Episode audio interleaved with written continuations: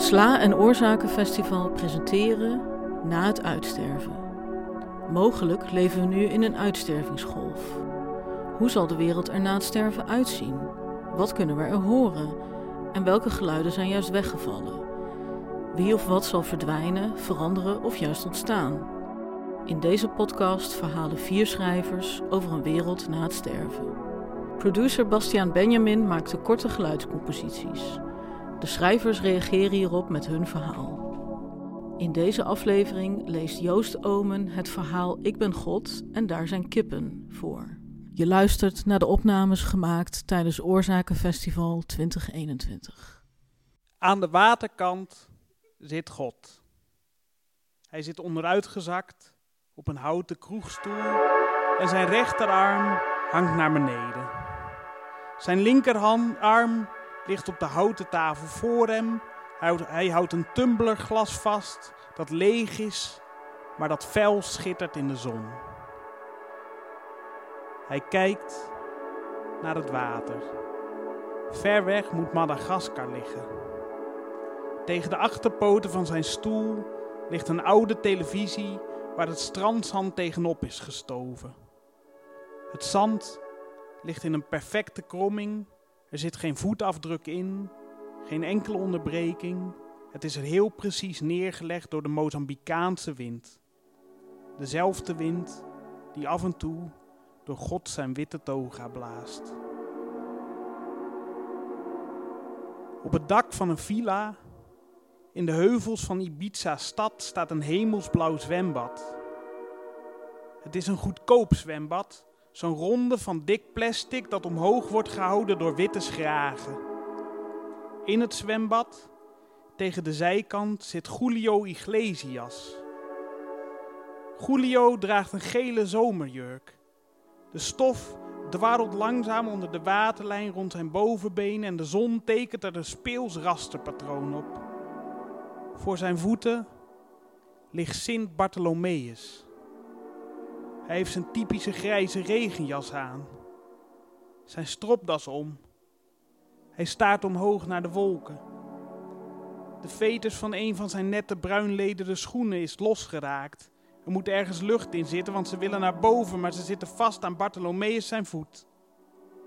De zon schijnt op Julio's zilvergrijze haar. Dan steekt de wind op en het haar wordt van zijn hoofd geblazen en valt op de warme tegels van het dakterras. Natuurlijk. De 52 miljard, miljard waarmee deze periode is begonnen, werden even een paar miljard minder toen ze door niemand meer gevoederd werden. Maar toen een gedeelte van die kippen uit hun hokken en weides brak, is het snel gegaan. Het geluid van alle kippen op deze wereld is niet per se het geluid van veren en ook niet per se tok. Het geluid van kippen is evengoed een achttal nageltjes dat tikkend over de glasplaat van een openstaand kopieerapparaat loopt. Het is het zachte, maar wat is zacht tegenwoordig, krakende geluid van een ei dat openbarst in de hoek van een leeg metrostation. Het kuikentje dat voor het eerst de tunnel uitloopt en met zijn donze nieuwe lijfje schudt. Het geluid van kippen is het gezoem rond een opgezwollen kippenkarkas dat vol vliegen op de met naalden bezaaide grond ligt van een enorm doodstil sparrenbos. En het zacht tokken van wakker wordende kippen in een gigantische spar in datzelfde bos. Het is het geluid van een bamboestruik die bij de grond wordt vastgepakt en wild heen en weer geschud. Alleen is dat geluid geen bamboeblad, maar hanenveren en hanenpoten die tegen elkaar opvliegen. En aan het eind van dat geluid ligt een van die hanen dood op de grond. Iemand zegt kukeleku in de verte.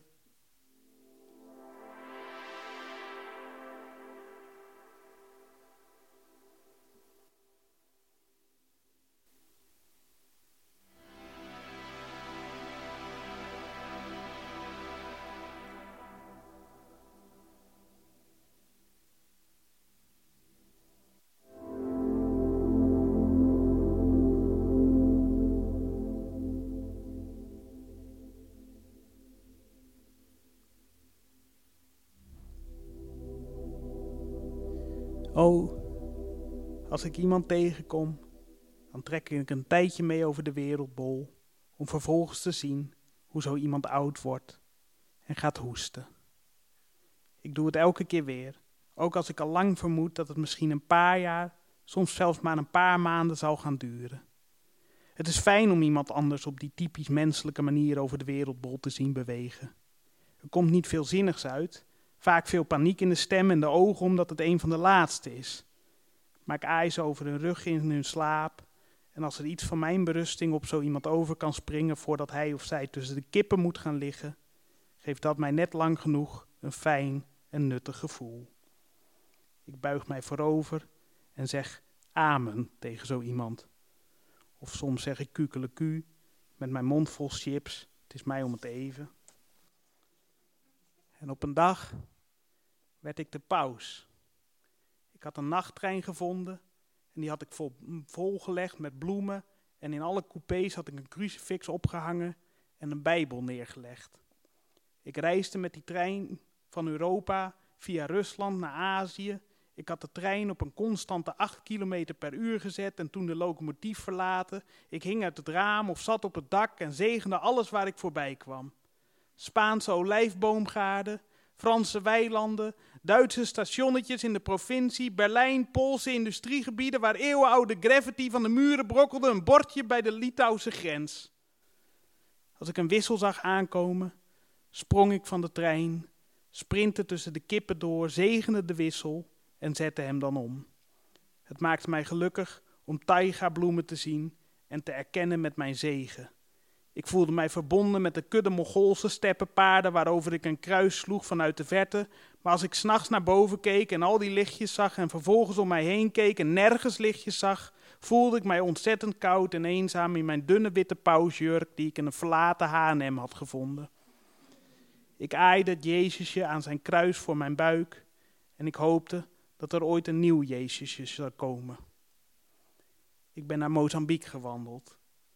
En ik heb God gemaakt. En ik ben naar Ibiza gezwommen.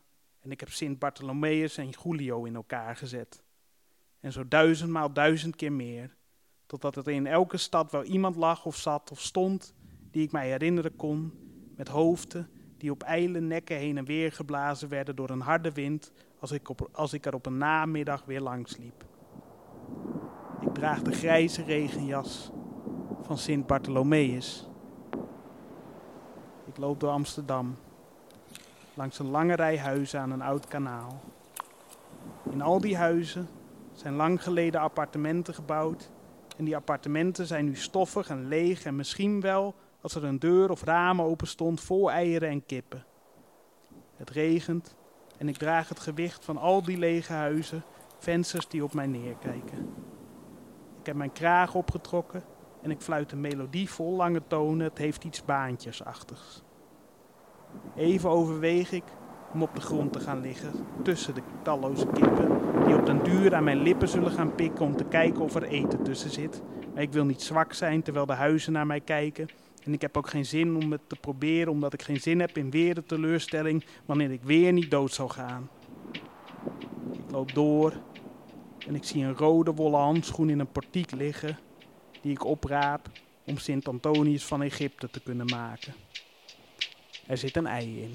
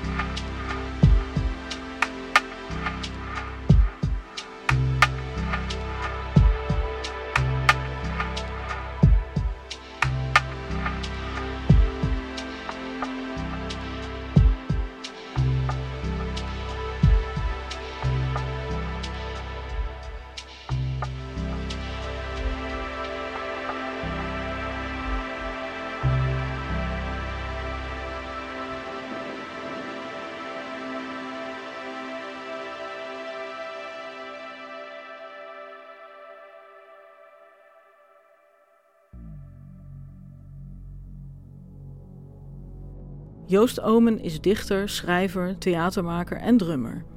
Hij publiceerde de bundels Vliegenierswonden en de Stort, de novelle De zon als hij valt en de roman Het Perenlied.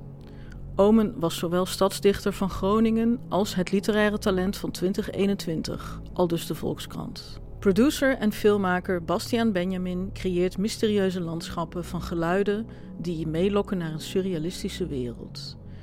Met zijn donkere elektronische composities deed hij in 2019 mee aan de popronde, Nieuwe Elektronische Waar en het schrijverskamp van ADE. Hij componeerde de sfeerbepalende muziek voor Danny Jenny, een kort hoorspel van Isha den Blanke dat in 2020 de NTR Podcastprijs won. In december 2020 verscheen zijn debuutalbum Two Truths. In de volgende aflevering Roos van Rijswijk.